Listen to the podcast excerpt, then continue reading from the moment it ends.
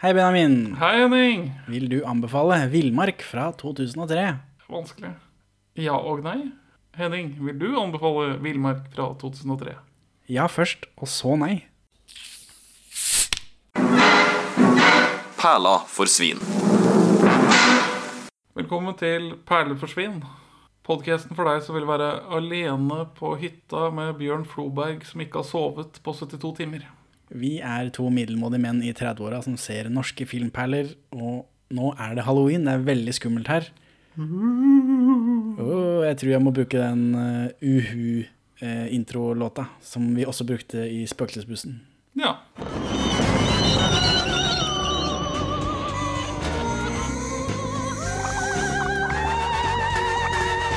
Vi har sett Villmark, eh, Benjamin. Har du vært på teambuilding før? Ja. Var det sånn som dette? Nei. Men det er Var det noe likhetstrekk da? Nei. Eller litt til teambuilding i militæret. Det, det hadde litt samme preget. Gjøre meningsløse ting sammen for, å bli, et, sånn. for å bli et lag. Men jeg, jeg, jeg har spørsmål til teamet her. Villmark fikk jo mye bra kritikk da den kom, gjorde den ikke det? Mener jeg å huske. Jo, og jeg har sett den i hvert fall tre ganger. Ja, jeg også nå, for jeg måtte se den to ganger før denne påkasten. Men jeg mener jeg har sett den en gang på skolen. Jeg ser for meg en sånn VHS-spiller med sånn rør-TV oppå, som alle satt og så på, på på skolen, liksom. Foran i klasserommet. Uten at jeg er helt sikker på om det stemmer. Jeg har sett den hjemme hos en jente da jeg var 14 år. Ble det noe klining, da? Nei, fordi jeg som 14-åring ikke skjønte at, at en jente inviterte meg hjem til henne for å se skrekkfilm, var et signal om noe. Å ja, eh, for hun var 32? Nei, hun var like gammel som meg. Ja, ok. Så det er bare du som henger etter, ikke 14-åringer generelt. Vi skulle jo bare ha sånn skikkelig jobb.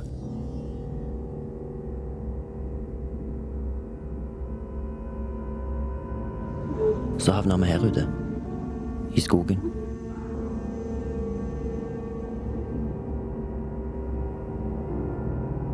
Vi skulle holdt oss vekke fra det vannet. Er dette en Dødens kjern-hommage, eller en type remake? Eller remake er det vel ikke, men det, den tar mye derfra, gjør den ikke det? Jo, den jeg, jeg, Hommage blir kanskje det rette ordet, for det er jo ikke akkurat en reboot. Nei, jeg rakk dessverre ikke å se den. Jeg hadde tenkt til det, men så endte jeg opp med å se denne filmen her to ganger istedenfor. Ja, det, For, eller den første gang jeg så eh, Villmark, så tenkte jeg ok, jeg må se Dødens Kjern også, for å se hvordan de liksom sammenligner. For det, det var det som slo meg først.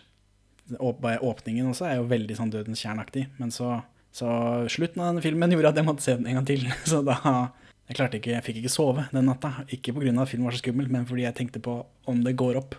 Gikk, går plottet opp? Så da måtte jeg finne av det dagen etterpå istedenfor å se Dødens Kjern.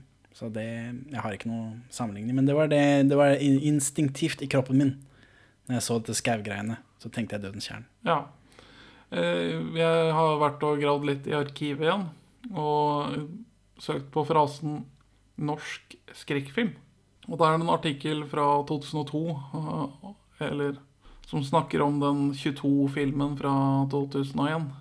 Og at det er den første norske skrekkfilmen, og at før det så har vi bare hatt 'Dødens kjern'. Altså 22 filmer fra 2001. Ja, Hva er det for en film, da? det er en Norges første lavbudsjetts slasherfilm. Å ja. Det er en sånn en. Ja.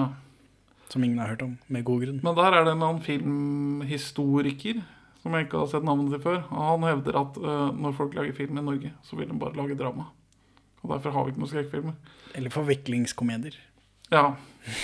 Men vi har jo Angst fra 1970 et eller annet. Ja, det skal være en skrekkfilm. Ja, så hvorfor han eh, filmhistorikeren bare hopper bukk over den, det skjønner jeg ikke. Kanskje den ene filmen ikke var bra nok. Ja, ja, ja.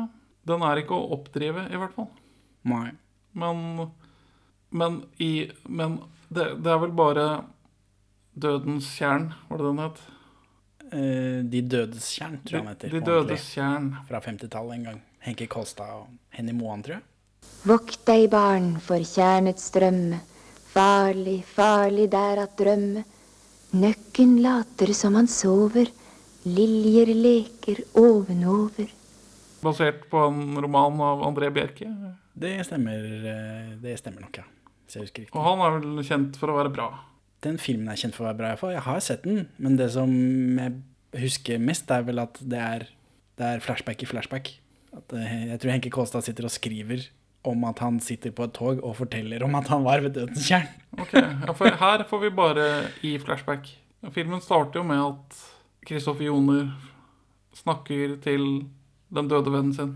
Ja, ja, det stemmer. Det er noen voiceover, ja. Så er, den foregår i retrospekt. Noe som er uh... Er du der, Per? Er, er du der, Per? Kjenner du det, Per, at det er noe som ikke stemmer? Vi som bare ville ha en skikkelig jobb.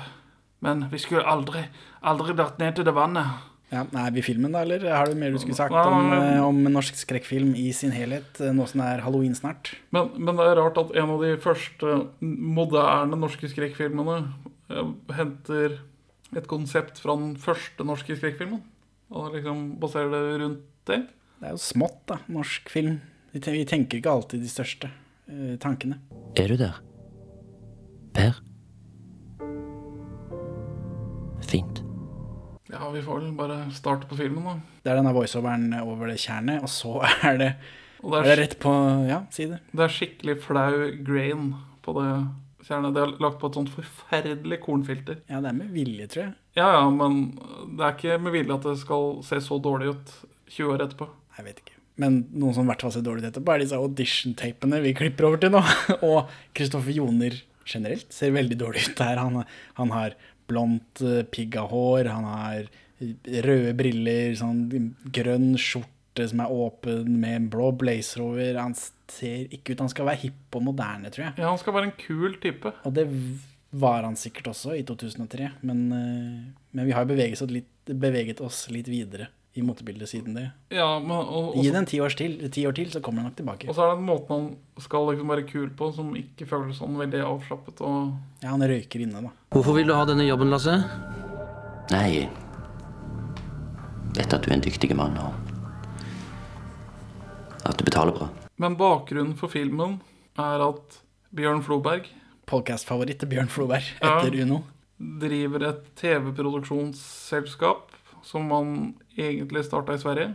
Ja, eller han har hatt en karriere i Sverige, ja. men jeg tror ikke det har noe med det han driver med nå å gjøre. Det var bare backstory.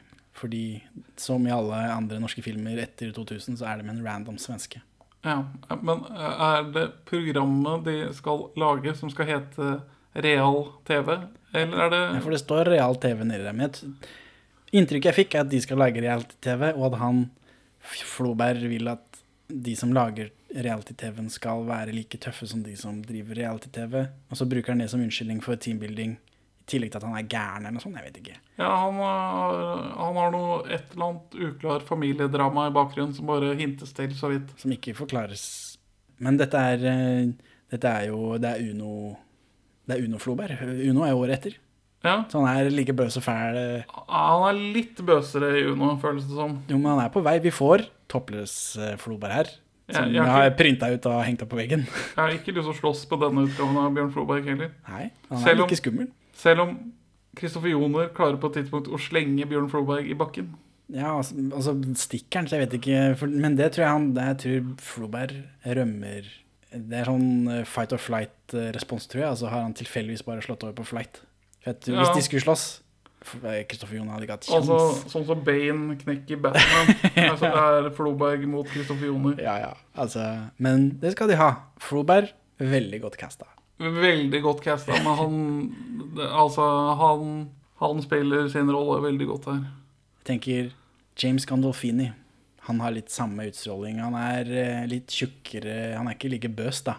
Men han har den samme Vi er kamerater, hei, hei, hei. Og så snap! På et øyeblikk, liksom, så er han streng og fæl. Ja. Og liksom og skummel. Han er jovial og hyggelig lenge, og så plutselig så er han ikke det. Og da er han virkelig ikke det. Men Bjørn Froberg er vel toppsjikt karakterskuespiller i Norge? Hvilke andre er det som Altså Jeg vet ikke hva Bjørn Froberg har gjort etter Uno. Det er Varg Veum, da. Men liksom ja, Han har jo blitt gammel gubbe etter hvert, da, og så foretrekker han vel teater fremfor film. Det kan hende. Så det er mye god Floberg vi som hjemmesittere går glipp av. Vi kommer til Jeg håper vi støter borti yngre Floberg også. bare for å se. Fordi i dette Uno-greiene så har jo du dratt opp noen aviser og noe greier, og det virker som Floberg er en greie. Men jeg visste ikke at han eksisterte engang, jeg, før eh, Uno. Og eh, strengt tatt ikke etter Uno heller. Er, er det ikke Sekondløytnanten eller noe annet som er hans store verk? Jeg tenker bare han Skjønneberg, Espen Skjønneberg har hovedrollen i den. Det er det eneste, og jeg har ikke sett den. Det er han som er på cover, i hvert fall. Jeg antar det er han som er Det er en eller annen sånn 90-tallsfilm Jeg vet ikke, men jeg håper vi fordyper oss i mer eh, Floberg. som vi har sett på skolen en gang. Men jeg husker ikke hva den heter nå. En eller annen som jobber som telegrafisten. Telegrafisten, ja, den har jeg hørt om. Men, Det- at, men jeg, forbinder ikke, jeg forbinder ikke det med Floberg. Jeg forbinder ikke Floberg med noe. Eh, verken før eller etter Uno. Men, Men han er altså med her. En Ja. film jeg forbinder med Kristoffer Joner. Og filmens bakteppe er teambuilding-tur for produksjonsteamet til en reality-serie. Det stemmer. Og 2003. Jeg begynner å mistenke at reality var i vinden på det tidspunktet. Ja, vi Har ikke vi snakket om Big Brother fra 2001? Jo, Så la oss uh, gi denne filmen ett års produksjonstid. ja. ja og så har vi Buddy, som også handler om noen som lager reality-TV. Dog på et mindre format. Ja. Men vi får en tale Eller først får vi den der eh, sekvensen med de casting-tapene. Vi ble introdusert til castet vårt. da. Skal vi introdusere castet vårt i podkasten også? Ja, det kan være greit. Det er Kristoffer Joner, som ser helt jævlig ut. Og så har du Bjørn Flobergs skumle stemme bak kamera, som jeg syns var effektivt og fint. Det er du som er kompis med Lasse? Ja.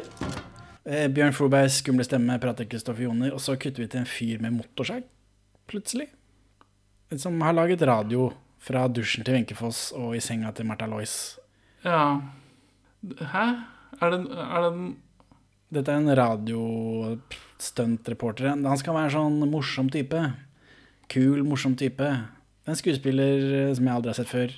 Selv om jeg har sett den før. Han er en sånn Stavanger-skuespiller. Han spiller jo sikkert i Mongoland. Eh, om han gjør.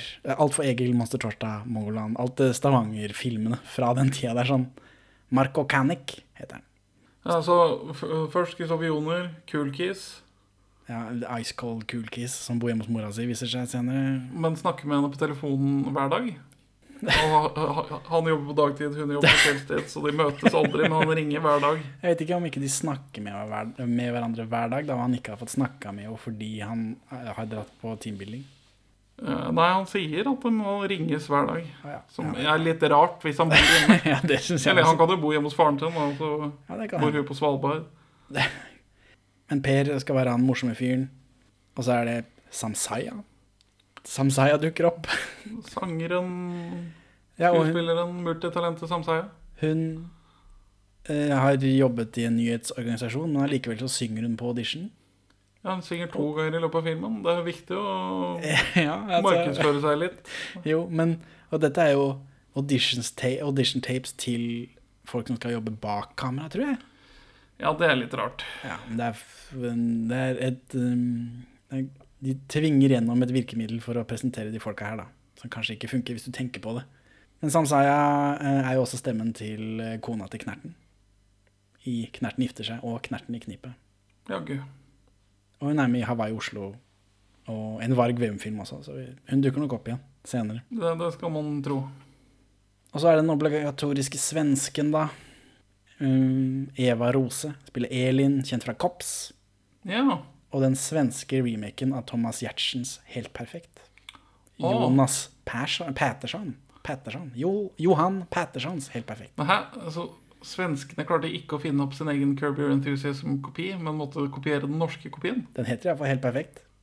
Jettekonstig. Og er syv år eh, senere enn Thomas Giertsen. Dette er ikke veien det pleier å gå i den norsk-svenske kulturutvekslingen. På ingen måte. Nei, men sluta nå med det her. Hvorfor skal vi holde på så her for? Sett deg ned, du. Får jeg kameran? Så. Så, men den svensken, hun angriper kamera, eller Bjørn Floberg, da. Hun er sint. Hun syns det dette er teit, det de driver med nå. Og det er jeg helt enig i. Det audition-greiene teit. Hun har lav terskel for Bjørn Floberg sin budsjett. Så hun eh, tvinger Floberg til å sitte foran kamera, og da sitter han der og er skummel. Ja, streng og oppgitt. Og så klipper vi rett derfra til at de kjører til en hytte. Og så er det en enkel bondeknøl med felleskjøp-caps som åpner en port. Ja, de kjører opp til porten, og så tuter de på han. Og han bare står der tilfeldigvis ved en vedstabel. Det her er ikke sånn porter fungerer i norsk utmark. Nei. Men- de er ubemanna. Ja, på film så, så gjør de det. Eh, men her, det virker som Ja. Skal vi begynne med den tvisten og så jobbe oss gjennom det når vi kommer til det? For det blir litt sånn rart om jeg skal ta alt sammen en gang til etterpå, siden jeg har sett den filmen her to ganger. Ja, vi kan gjøre det. Altså, han knølen her, han er veldig sånn amerikansk skrekkfilmknøl. Ja, for det tenkte jeg at eh, Ja, dette her kjenner jeg igjen. Du må ha en, en sånn raring, uh, village idiot, uh, som liksom advarer om at det er skummelt. Og, nei, Han sier jo ingenting, men du ser jo på han at det er skummelt, det som skal skje nå. jeg, jeg opplever ikke han her som han som sier ifra om at du ikke burde grave ned katta di eller ungen din på dyrekirkegården. Dyrekirkegården eller som advarer om at alle døde her Det- eh, i fjor. Dette er mer den du har kjørt langt ut i ingensteds, og så Det er Deliverance-bondeknøl, tenker du på? Yes, Deliverance, Wrong Hills, Turn. Hills Have Eyes. Ja, Den typen, ja. For han ser litt innavla ut, og han sier ingenting, og han ser litt sånn Det er en bergenser. Torstein Løning. Ja. Eh, Han er den eneste som er med i oppfølgeren, Villmark 2, eh, Det- som kom i 2015. Det hadde jo ikke fungert uten han. Han irriterer seg over plakater på lyktestolper, ifølge Bergens Avis. Så eh, plukka han ned 83 plakater på drøye 600 meter. Var det han som gikk til sak mot uh, Hva heter han bergensrapperen igjen? Jeg må ha, jeg må ha so Lars Vaular. Lars Vaular ble jo anmeldt for å ha hengt opp plakater. Oh, ja. Nei, det vet jeg ikke, for Også- det var en sånn betalingsmur. En, men overskriften var det.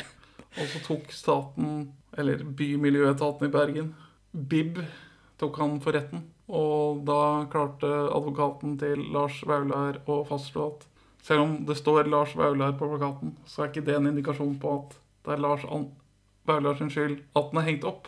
Så da ble han frikjent. I'll do what you want me to, cause I wanna. Men uh, Torstein Lønning ble også koronatestet live på TV 2 i juli, så vi kan jo anta at han er frisk. Ja. så Så det går ikke så veldig bra for skuespillerkarrieren. det virker som han er lærer. Jeg tror ikke han er skuespiller. Okay. Eller han er lærer først og fremst, tror jeg. Så han, har gått, så han har gått samme vei som kiden i The Shining. Red Ram, Red Ram. Jo, jeg vet hvem kiden, men nå- så han Han har har- blitt lærer. Han er naturfagslærer. Han har Ja. bare spilt i The Shining. Ja, og i oppfølgeren. Er Han, han oppfølgeren jeg tror han har en cameo som faren til han gutten i et flashback eller noe annet. Det er mulig. Det, jeg har ikke sett en Dr. Sleep. Har du ikke hørt mine reportasjer?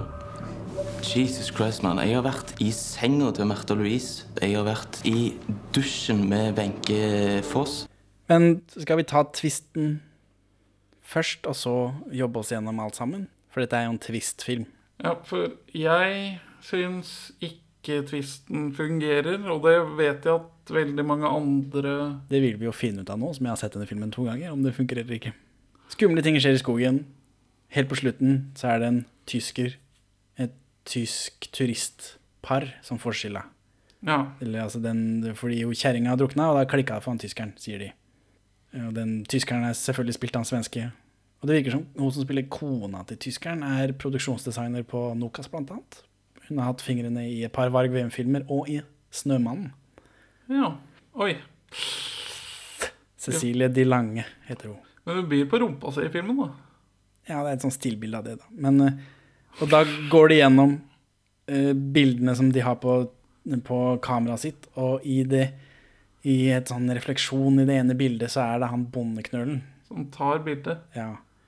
Og, og første gang jeg så det, så tenkte jeg Bjørn Floberg? Er det Bjørn Floberg? Fordi det er såpass dårlig kvalitet på det bildet. Ja, det, det, det tenkte jeg først, jeg òg. Ja, og, det, og når jeg tenkte det, så fikk jeg sånn déjà vu, så det tenkte jeg altså første gang jeg så filmen også, på skolen en eller annen gang. Men så viste jeg når jeg gikk gjennom med en gang til, at øh, idiot, det er jo ikke Bjørn Floberg i det hele tatt, det er han bondeknølen. Ja, men de klipper jo direkte til Bondeknølen etter å ha vist uh, Ja, men jeg, for da trodde jeg at Bjørn Floberg og bondeknølen var in cahoots, men det stemmer ikke. Altså, for det var min eh, misforståelse, så jeg har slet litt med det også. Men, eh, men Bjørn Floberg kan vi bare kutte ut i det hele tatt. Han, han er nå gæren, men han har ikke drept noen. Ja Ja Det er ikke det. Nå, jeg har tatt utgangspunkt i det filmen viser meg. Ja. Filmen viser meg i slutten der sånn, så klipper de fra at eh, han bondeknølen har tatt dette bildet, at han har et eller annet med tyskerne å gjøre, til at han bondeknølen åpner den porten, og så er det noe plystring i bakgrunnen. Den plystringa går gjennom gjennom hele filmen. Eh, Men når han åpner den porten på begynnelsen av filmen, så er det ikke noe plystring, riktignok. Men, Nei, for det men filmen forteller meg da i etterkant at jeg skal knytte den plystringa til eh, bondeknølen.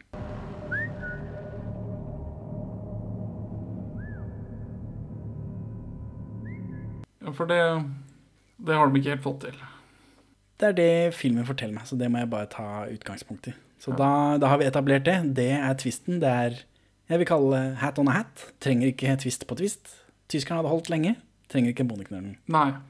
Men la oss gå gjennom, så skal jeg, så skal jeg prøve å ta de skumle situasjonene når det kommer. Hvem er det som har gjort det? Er det tyskeren? Er det bondeknølen? Hva skjer? Men uh, har du lest uh, noe om produksjonen? Nei, ingenting. Nei, Har du? det har jeg. Få høre. Før vi nå lest- be, be, begår eh, Før vi nå sklir inn i den mørke skogen her vi sitter på halloween snart. Nå skal ut i villmarken.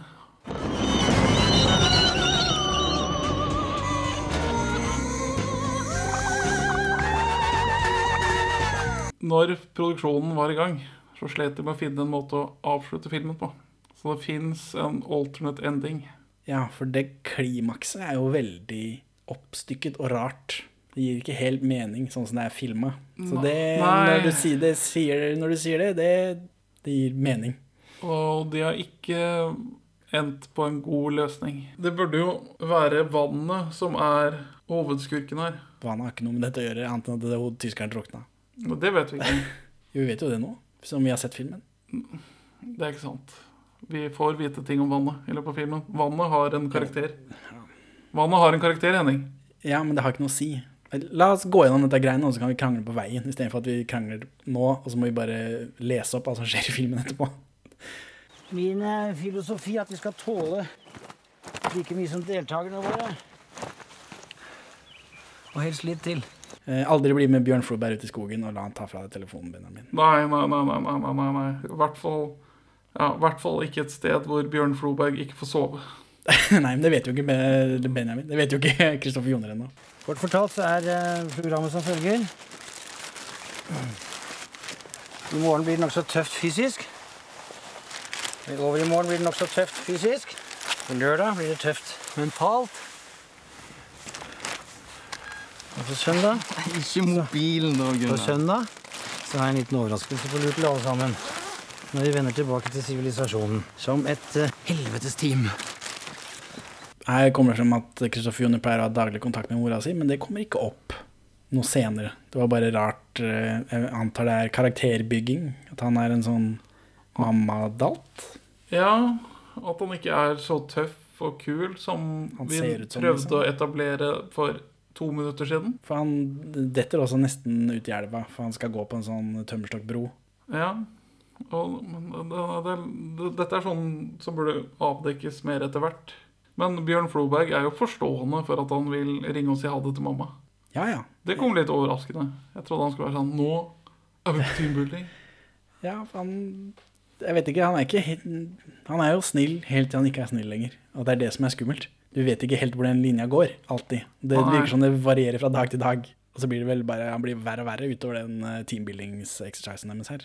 Men så, etter at de har gått langt og lenge, Benjamin, så kommer de til en hytte. En sliten hytte full av døde fugler. Nå hopper du for langt, Jeg vil, jeg vil snakke om talen. Snakk om talen, Benjamin. For uh, her er to momenter jeg vil påpeke som jeg opplever er viktige for å forstå den filmen her. Så filosofien til Bjørn Floberg er at de skal bli like tøffe og tåle like mye som deltakerne i reality-TV-en de skal produsere. Vi får ikke forklart hva det er de skal produsere, om det er Big Brother eller 71 grader nord, men det får Jo, han sier jo at de skal lage noe mer Altså, folk craver etter reality, men dette skal være mer real. Ja, det skal være rått, det skal være innpå nervene til folk, men Men så, de, altså, så han skal bare slenge dem ut i naturen, og så skal de filme det, at de overlever på det. Så litt av poenget er at de ikke skal ha med seg så mye mat og sånt. Men altså, men de, de gjør jo ikke det. De drar jo på en hytte. Det er ikke det samme. ja, nei, det er derfor jeg var ikke helt sikker på er det 71 grader nord de skal produsere, eller er det uh, Farmen? Er Skal låse seg inne et sted. Ja, han sier de skal produsere hardcore 71 grader nord, altså bare pælme noen ut i skauen. Men så Er det det han sier? For det jeg fikk inntrykk av, at uh, han snakket mer om at de skulle inn på folk, ikke hva oppgaven i dette programmet skulle være. Så innpå folk kan det jo være i Big Brother-huset også. Ja, men altså, han sier jo at de skal klare seg sjøl i naturen. Ja. Det det de skal filme. Og så skal de gjøre det samme, men de gjør ikke det samme. Nei. Nei, Og hvor få deltakere skal det være i det, eh, dette reality-programmet? For et firemanns kameralag. med én fotograf, det er ikke sånn du lager reality-TV. Men de skal være fire dager på denne hytta. Og da sier Bjørn Floe at det skal være tøft fysisk på den første dagen. Og det skal være enda tøffere fysisk på den andre dagen. Og på den tredje dagen skal det bli tøft psykisk. Det er frampek, mener du? Det er et frampek, for det er da folk begynner å dø. Det er da den psykiske belastningen virkelig begynner å tære på. Ja, for jeg syns ikke det virka så tøft fysisk utenom det. Det er, de må gå rundt med noen tømmerstokker lite grann. Ja, Og så er det jo Det er mye going, liksom. veldig oppoverbakke til den hytta, da. Jo, men hvis du har god tid, og det virker som de har Det er ikke som om de maser Bjørn Floberg maser ikke på de, det virker ikke som Kristoffer Joner er helt daudsjuk. Eller noen av dem. Det virker som de har, liksom, har den tida de trenger. Og så sier han at på søndag skal det bli en overraskelse. Og det er vel inne på søndagen i filmens klimaks. Ja, det kan nok hende. Så, og det, det her er ikke siste gangen Bjørn Floberg hinter til oss at han er med på noe muffens i bakgrunnen. Ja, Men min analyse er at han ikke er det. Ja, det, det, det er greit, men min analyse er at filmen ikke veit hva han driver med. Ja, Og det er, gjør masse tilfeldig Det er vel det jeg kommer fram til til slutt også. Ja. Fordi ja, vi, vi går gjennom, for det er masse greier de gjør som dukker opp i filmen som skal være skummelt, men som ikke, med, som ikke gir noe mening på slutten. Denne filmen er som tidligere nevnt inspirert av De dødes kjern. Det er én annen film som denne slår meg som er veldig inspirert av. De dødes kjern-remaken fra 2019. Nei, Blair Witch Project. Det er litt sånn dokumentarfilming. De rister litt i kamera her og der. Det er litt sånn kornete. Øh, lyder i bakgrunnen, uforklarlige ting de finner. Ting rissa på trær, ting som henger i trær. ja, jeg har ikke sett Blair Witch Project, faktisk. Hæ? Jeg har sett den eh, han Det ansiktet med den busa i. Han som har buss i nesa. Ja, Ja. han har jeg sett. Eller hun. det. Ja, det er hun. ja. Det- Jeg har Men- ikke sett den. Men øh, det er en, en del småting herfra som er tatt direkte ut av den, i hvert fall. Hvor er det de hytta Det begynte med ammunisjonskasse som farfaren min fant etter krigen. Og så er det jo Så er det blitt noen forbedringer etter hvert. Etter denne uh, talen, da, så, så går de til den hytta. Kristoffer Joner detter nesten ned i elva. Og det er det vi ser av hardships bort dit. De Ja. går litt, da, og det er oppover. Ja. Men som sagt, det virker ikke som de er spesielt kake. Og Bjørn Floberg bærer tursekken sin på én skulder. Det er ikke så lurt. Det får du veldig feilbelastning av Bjørn Floberg. Bjørn Floberg gjør som Bjørn Floberg vil. Ja, ja, ja, unnskyld, herr Floberg. Og så kommer vi til en hytta som er utrolig sliten. Hytte og hytte. Men den er svær, da. Ja, Og veldig Den er svær på utsida, ikke så stor på innsida, eller? ja den er svær på utsida, åtte kvadrat på innsida. Ja, motsatt av en TARDIS. Eh, Bjørn Floberg sier vel at det starta med en ammunisjonskasse bestefaren hans fant etter krigen.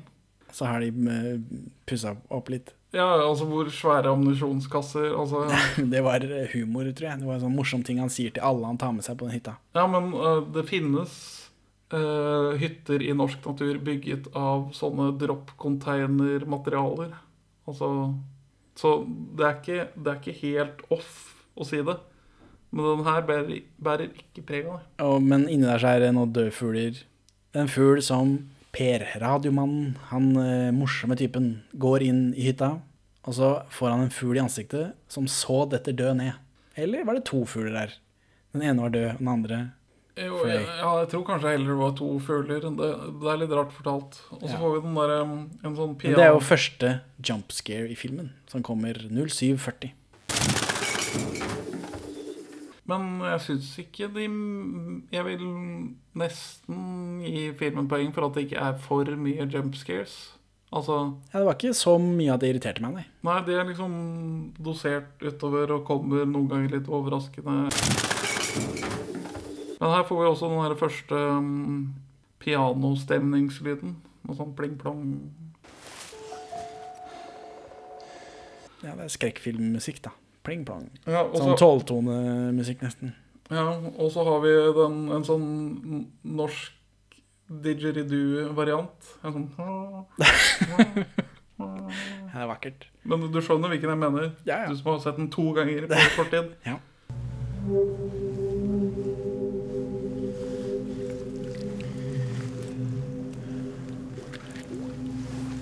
De, de, de to lydene trenger vi, for det, det er liksom filmens soundtrack. Det er det. Men det er mye musebæsj, og det er liksom Det er dårlig stelt inni hytta, men de har strøm på aggregat. Ja, for OK. Det er en Tar en halv dag å gå til denne hytta. Hvor Du- kommer all den dieselen fra? Ja, hvor kommer all den dieselen fra? Og ja, greit nok at det er vanlig å lydisolere en aggregatkasse, men det, det virker litt, den løsningen til Floberg virker litt brannfarlig. At den er helt tett.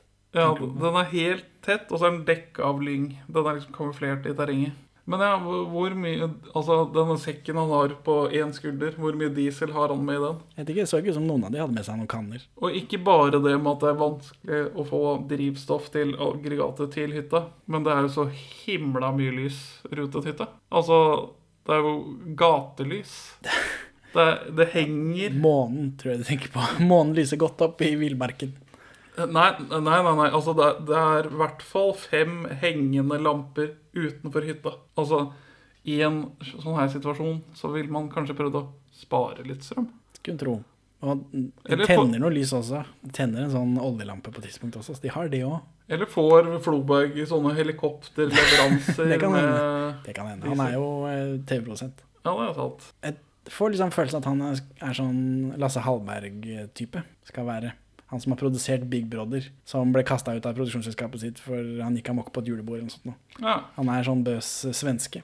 ja, Så, ja kanskje, kanskje han eh, så, men så er det middag på hytta, og nå er det jo nesten hyggelig. Det er god stemning, stille for stormen, kan man si.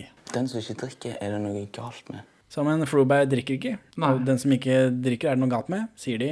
Har ikke noe å si. Har ingenting å si. Nei. Alkoholinntak har ikke noe å si i den filmen her. Så det var bare setup for ikke noe. Så er det noe mer Samsaya-synging. og dette er dieselaggregatet også. Tilbake til den. For det hender det slår ut, og så må Bjørn Floberg ut der og ordne med det. Kommer ikke tilbake. Har ikke Nei. noe å si. Han gjør det et par-tre ganger. De gjør det en gang for å avslutte et veldig intenst øyeblikk, fordi de som har skrevet manus, vet ikke hvordan de skal avslutte dette. Men det har ikke noe med plott å gjøre. Jeg tenkte kanskje nå skal de sitte inne i hytta der, og så skal det være skummelt. Eller så skal de ha lys og god stemning, og så skal det aggregatet gå, og så er det noen der ute, og så er det det greiene der. Men nei, det er aldri noen der ute. Det er alltid Bjørn Floberg som ordner det. Det er den skumle fyren som går ut for å ordne. Da er det ikke noe problem. Nei.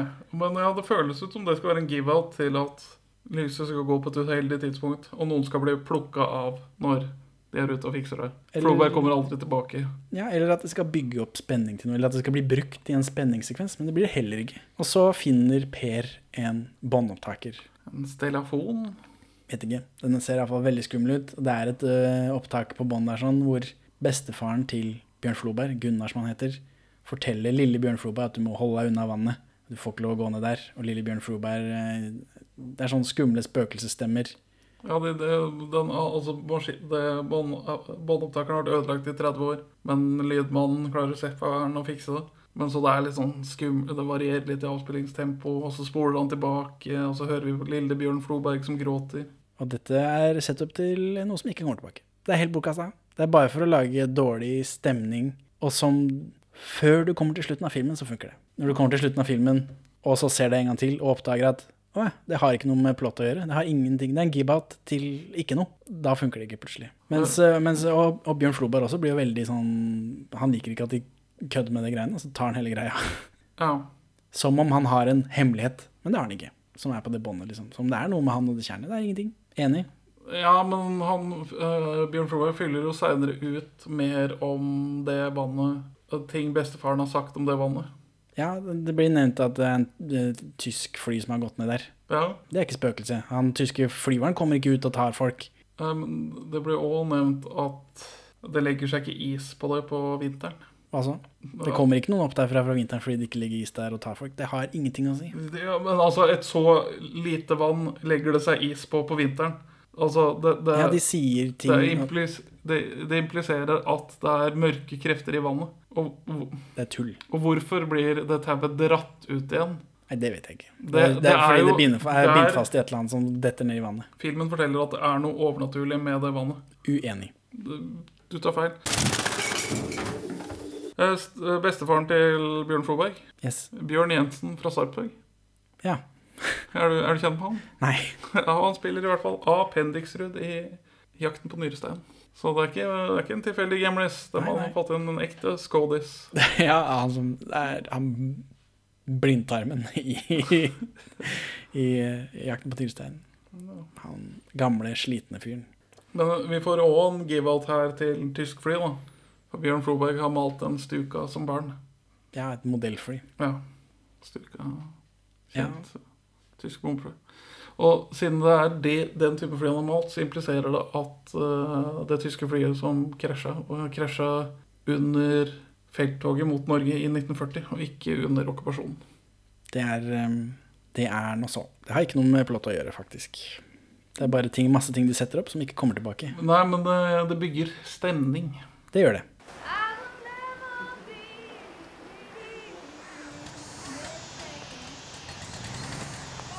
Per går ut med sin fancy telefon midt på natta. Ja, sånn flipptelefonen med Hva er det han skal? Sjekke vappen. Ja, er det det? For det er liksom For den telefonen Hva skal de med telefonen i 2003 på hytta, liksom? Skal han For nå er det midt på natta, skal han ringe hjem til mora til Kristoffer Joner og fortelle at det går bra, eller hva er det, hva er det han skal? Det er ikke som han skal sjekke i avisa. Nei. Hva, hva, altså, hvis han skal sjekke vapp, så blir det jo penger i kassa til Håkon Gundersen, da. ja, fra Svik. Ja, så da får vi penger til svik. Eller? Ja. Men, men nei, men det er jo veldig gøy å se disse gamle telefonene. Ja, ja, men jeg skjønte ikke helt hva han ville. Jeg tror det, det er bare at de er sånn avhengig av SMS-er. For det var vi vel Ja, for vi var jo, før Facebook, på en måte. vi var jo veldig avhengig av SMS-er. Altså, det å være telefonjunkie er ikke nytt, bare fordi vi har mer å gjøre på dem. Nei. Det holdt eh, lenge med 150 tegn. 142, tror jeg. 142 langs, ja. Det er det. Begynner å bli stund. Men han blir skremt av noen i gassmaske. ja. Det, da får vi jumpscare nummer to.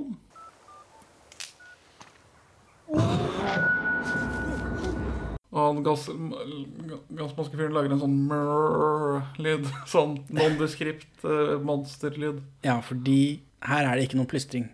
Og det er heller ikke noe rød kjole. Ja, men den, Men de har ikke vært og rota i teltet ennå. den røde kjolen har ikke blitt aktivert ennå. Nei, så det har jeg notert meg. Så det jeg mistenker at det er han tyskeren. Ja, dette det må det jo være. Ja, det er eh, i min etterforskning av dette. Så, så prime suspect i akkurat dette tilfellet er tyskeren før de har aktivert den røde kjolen. Så, fordi det er ikke noen plystring. Fordi filmen har fortalt meg at bonden plystrer. Og så um, Så er Floberg ute og hogger tre midt på natta. Ja, og da får vi nok en sånn liten noen skurke-give-out på han. Fordi han driver og hogger trær, og så smaker han på sevje. For det hintes det vel til at noen gjør seinere òg, tror jeg. Kristoffer Joner gjør det, uten Ja. at Kristoffer Kristoffer Joner er ikke skurk. Jeg vet ikke hvorfor de gjør det. Jeg vet ikke, jeg vet ikke hva det er, jeg. At det Nei, jeg vet ikke. Jeg vet ikke. Jeg skjønner heller ikke hvorfor han er ute og hugger trær midt på natta uten at det vekker de andre, for det bråker jo fælt. da. Og det Ja. virker som Filmen forteller meg også at han hogger tre hele natta. Ja, og mm, det på grunn av trærne stjeler alt sollyset. Ja, Det er det han sier, da, men det er liksom Det er svensken som kjenner Bjørn Floberg godt, eh, implis, impliserer vel at det er pga. hans vanskelige familieliv og eller skjøre syke. Ja, mens Bjørn Floberg senere sier at 'jeg får ikke sove her ute uansett'. Ja, Så du er tilbake på at det er noe magisk med vannet. Det er noe magisk med vannet. Filmen forteller at det er noe magisk med vannet. Filmen viser at det er noe magisk med vannet. Filmen forteller ikke dette meg, viser Viser ja. på at garnet blir dratt ut igjen. Ja, Det kan hende det sitter fast noe i andre enden. garnet ligger dypt under Altså, det har, det har grodd over det tauet. Ja. Så det ligger slapt ut fra treet, går ned i jorda, og så ut i vannet. Eller liksom ned i all dritten som har grodd. Men det er jo bunnfast i enden av treet. Det ligger ikke Ja. slakt der hvor det har grodd over. Nei, men altså, det går jo ned. Men etter at de har dratt opp liket, så blir det dratt ut igjen. Så tauet strammer seg helt. Ja, for det var stramt i stad også, når de tok det opp. Men det har vært såpass nære bakken. Dette impliserer det en magisk på, dragning. Jeg var mer interessert i når skumle folk dukker opp, og hvem det er, de skumle folka. Og så sier, men det som er en ting som irriterer meg, at det ikke sies hvorvidt det flyet som gikk ned i sjøen tjernet, tok med seg han tyskeren som førte det. Det er vel eh, Jeg tror det er implisitt. Men eh, Altså for du vet, eh, tjernet er jo veldig magisk, så det bare spiser alle som Ja. Han sitter fast i garnet, han òg, det er jeg helt sikker på. De sier én ting til. altså, Det, det, det er tre ting som sies om tjernet. Og den første er at det ikke legger seg is på det om vinteren. Og vi bor ikke i en øh, vi Det er tjukk jordskorpe i Norge, så det er ikke en geotermisk kilde under tjernet som varmer det opp. Men, men dette, dette flyet er jo fullt av glukose, tenkte jeg. Så det, så det er derfor. To, de fikk ikke lov til å bade der. Og så er det en tredje ting som jeg ikke husker. Men det Ja, du kan ikke bade i masse sånn glykol. I, så det skjønner jeg. Men tjernet er magisk. Du sier det. Filmen forteller at tjernet er magisk. Du sier det, jeg er uenig. Det er en ondskap i tjernet. Ikke bra nok. Beklager. Men øh, når, når Floberg lener seg mot treet, så får vi en sånn slags flydur over noen sånne stemningsbilder av skogen. Ja, det har jeg ikke lagt merke til. Men det er god stemning, syns jeg i hvert fall. Ja, det er det. Det skal de ha. Dagen etter så skal det fiskes og skytes. Spørsmålstegn. Da får de satt opp den hagla da, som faktisk kommer tilbake senere. Gratulerer. Ja, litt sånn vel filmutvalgt hagle, da. Sånn skikkelig sånn toløps. Ja, men etterpå så bruker de jo begge toløpa. så de viser oss flere ganger at det er toløp. Ja, den har faktisk to løp som er ladd med to. Den Ja. må lades om. Den har ikke bare sånn maskingevær. Nei. Så jentene og Floberg skal jakte. De skal skyte noe i Ja. skogen. De skal finne en hare. Jeg skjønner ikke åssen man jakter, men folk gjør det jo. Så jeg har fått inntrykk av at de sitter helt stille og venter til en elg tilfeldigvis går forbi. Det er det vanligste. Men jeg vet ikke hvordan det er med harejakt. Hare, harer de går vel ned i sånn sitte stille-modus hvis de hører noe. Så da, vel, da kan det være fordelaktig å rusle etter dem. Jeg vet ikke. Mens gutta boys, Kristoffer Joner og Per skal fiske. Ja. Og da, men på vei ned dit så faller han eh, Per ned i en sånn Rambo-felle. ja, han En sånn punji-stakefelle. Kjent fra mange Vietnam-filmer. Heldigvis for han så går det bra. Akkurat, så vidt. Ja, Han får kanskje pelsa forhuden lite grann. men det er en forseggjort felle, dog litt få pinner. Ja. Hadde det vært flere pinner, så hadde saken vært biff. Jo jo, men kommer ikke tilbake. Har ikke noe å si.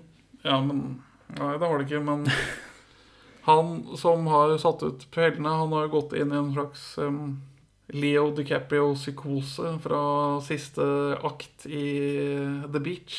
Ja, ja, men det er ikke noen indikasjon på at det er han tyskeren som har satt ut den fella. Det Jo. kan være hvem som helst. Det er, øh, de er relativt ferskkuttete, de pinnene. Men hvorfor skal han sette opp feller rundt omkring? Han skal vel vokte sin kones minne. Ja, men Det er ikke det han Minne gjør. om et lykkeligere liv. Det han gjør, er å gå rundt og kaste kongler på folk og, og sånt noe. Så, så jeg tolka det som han er gæren, punktum. Han har ikke noe mål eller mening. Og så driver de og roter i kjolen hans, og da blir han litt sånn irritert, men han er fortsatt gæren. Det er ikke som om han har Han, han er ikke en eh, laserstyrt missil som har ett mål i øyet. Nei, han, men han er i en ganske dyp psykose. ja. Ja, det er han, men jeg hva har han levd av det siste, siste måneden? Han har ikke rørt maten. Nei. Men det, det er, han har sånn Gollum-tilværelse, hvor han bare spiser rå fisk. Men, men så du, du tillegger ikke fellen til tyskeren? Nei, det kan være hvem som helst. Nei, Lager det ikke sånne Det er feller? ikke hvem som helst, det er jo ikke der. Nei, men det kan være hvem som helst. Det er masse spøkelser i dette tjernet ditt, sier du. Ja, men Det kan være Bjørn Floberg, trodde jeg på tidspunkt. Det kan være han bondeknølen. Vet ikke. Vi får ingen indikasjoner av hvem det er. Peter Gabriel, var det det du sa? Bjørn Floberg og hørte Peter Gabriel. Eh, Nei, han tror jeg faktisk ikke det kan være. Men utenom det, så kan det være de fleste. Den eneste de, de tre Altså, det får ikke vært han knølen, for han er bare en knøl. Nei, men hør nå. Det kommer ikke tilbake. Nei, Det blir ikke knytta til men det er en indikasjon at det foregår noe muffens rundt vannet. Det kommer ikke tilbake, så det er ikke bra nok for meg. Beklager. Hvorfor står han knølen ved den porten? Vi fortsetter. Radiomannen Per driver med tai chi mens Jone fisker. For han er en sånn morsom type Jeg. Ja, var det, var det ironisk tai chi? Jeg tror Vet ikke. Det var i hvert fall veldig dårlig, hvis ikke det var det. Og mens de holder på med dette, så tar hun svensken og blæster etter en hare. Skyter etter en hare. Det virker ikke som de treffer. Uvisst. Mens Vi får vel kritikk for at hun ikke skyter for å drepe seinere her. Ja, men så sier hun også at hun skjøt for å drepe, så jeg vet ikke. Jeg håper den lever, sier hun. Ja. Hvorfor skjøt du da, sier Samsaya. Refleks, eller hva det var for noe. Eh, Mens Joner og Per kommer over den teltplassen da, som du og jeg krangler om. Eh, Og der er det noe rødt tøy på snora. Hvorfor- ser forlatt ut. Hvorfor så de ikke teltet når de var på den andre sida? Eh, For da så de på fisken. Jeg vet ikke.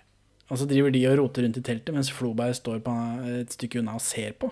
Og så, Og ser veldig stressa ut. ja, Som om han vet hva dette er. Men det gjør han ikke.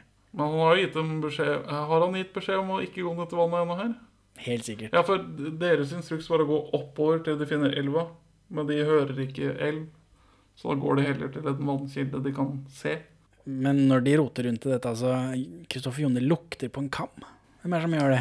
Ja, det, øh, det reagerte jeg også veldig på. Ja, men altså, det kan være for å finne ut om en kvinne har brukt den, men hvorfor skal du det? Ja. De finner et kamera, han tar bilde av seg selv. eh, En selfie. Med uh, Flintis i bakgrunnen. Ja, Så er det noen bøker om andre verdenskrig der. Det er tydelig at det er noen tyskere som bor i teltet. Det er en bok om andre verdenskrig med private bilder fra andre verdenskrig vedlagt. Altså Når Kristoffer Jone kommer ut av dette teltet, så har den morsomme fyren Per tatt på seg den røde kjolen. Det er veldig rart. Hvem er det som gjør det? Og han har tatt av seg buksa for å ta på den kjolen. Eller han tatt av seg jakka for å ta på seg den kjolen. Ja, vi, vi får vel en sånn joke-jump scare inni her. Ja. Vi ser han gå i bakgrunnen. Det har jeg ikke giddet å nevnt. Men ja, ja, for Hvis jeg kommer over et forlatt telt Det første jeg gjør, er å ta på meg klærne som henger på snora. For å være morsom. ta det som er der av mat for, Det gjør de ikke denne gangen. De, jo, det gjør de. Jo, jo, jo. Det gjør de, det stemmer. Og så må de gå og levere det igjen. Sånn er det. ja. Ja, han driver og spiller svenske, ja, det nevnte du kanskje.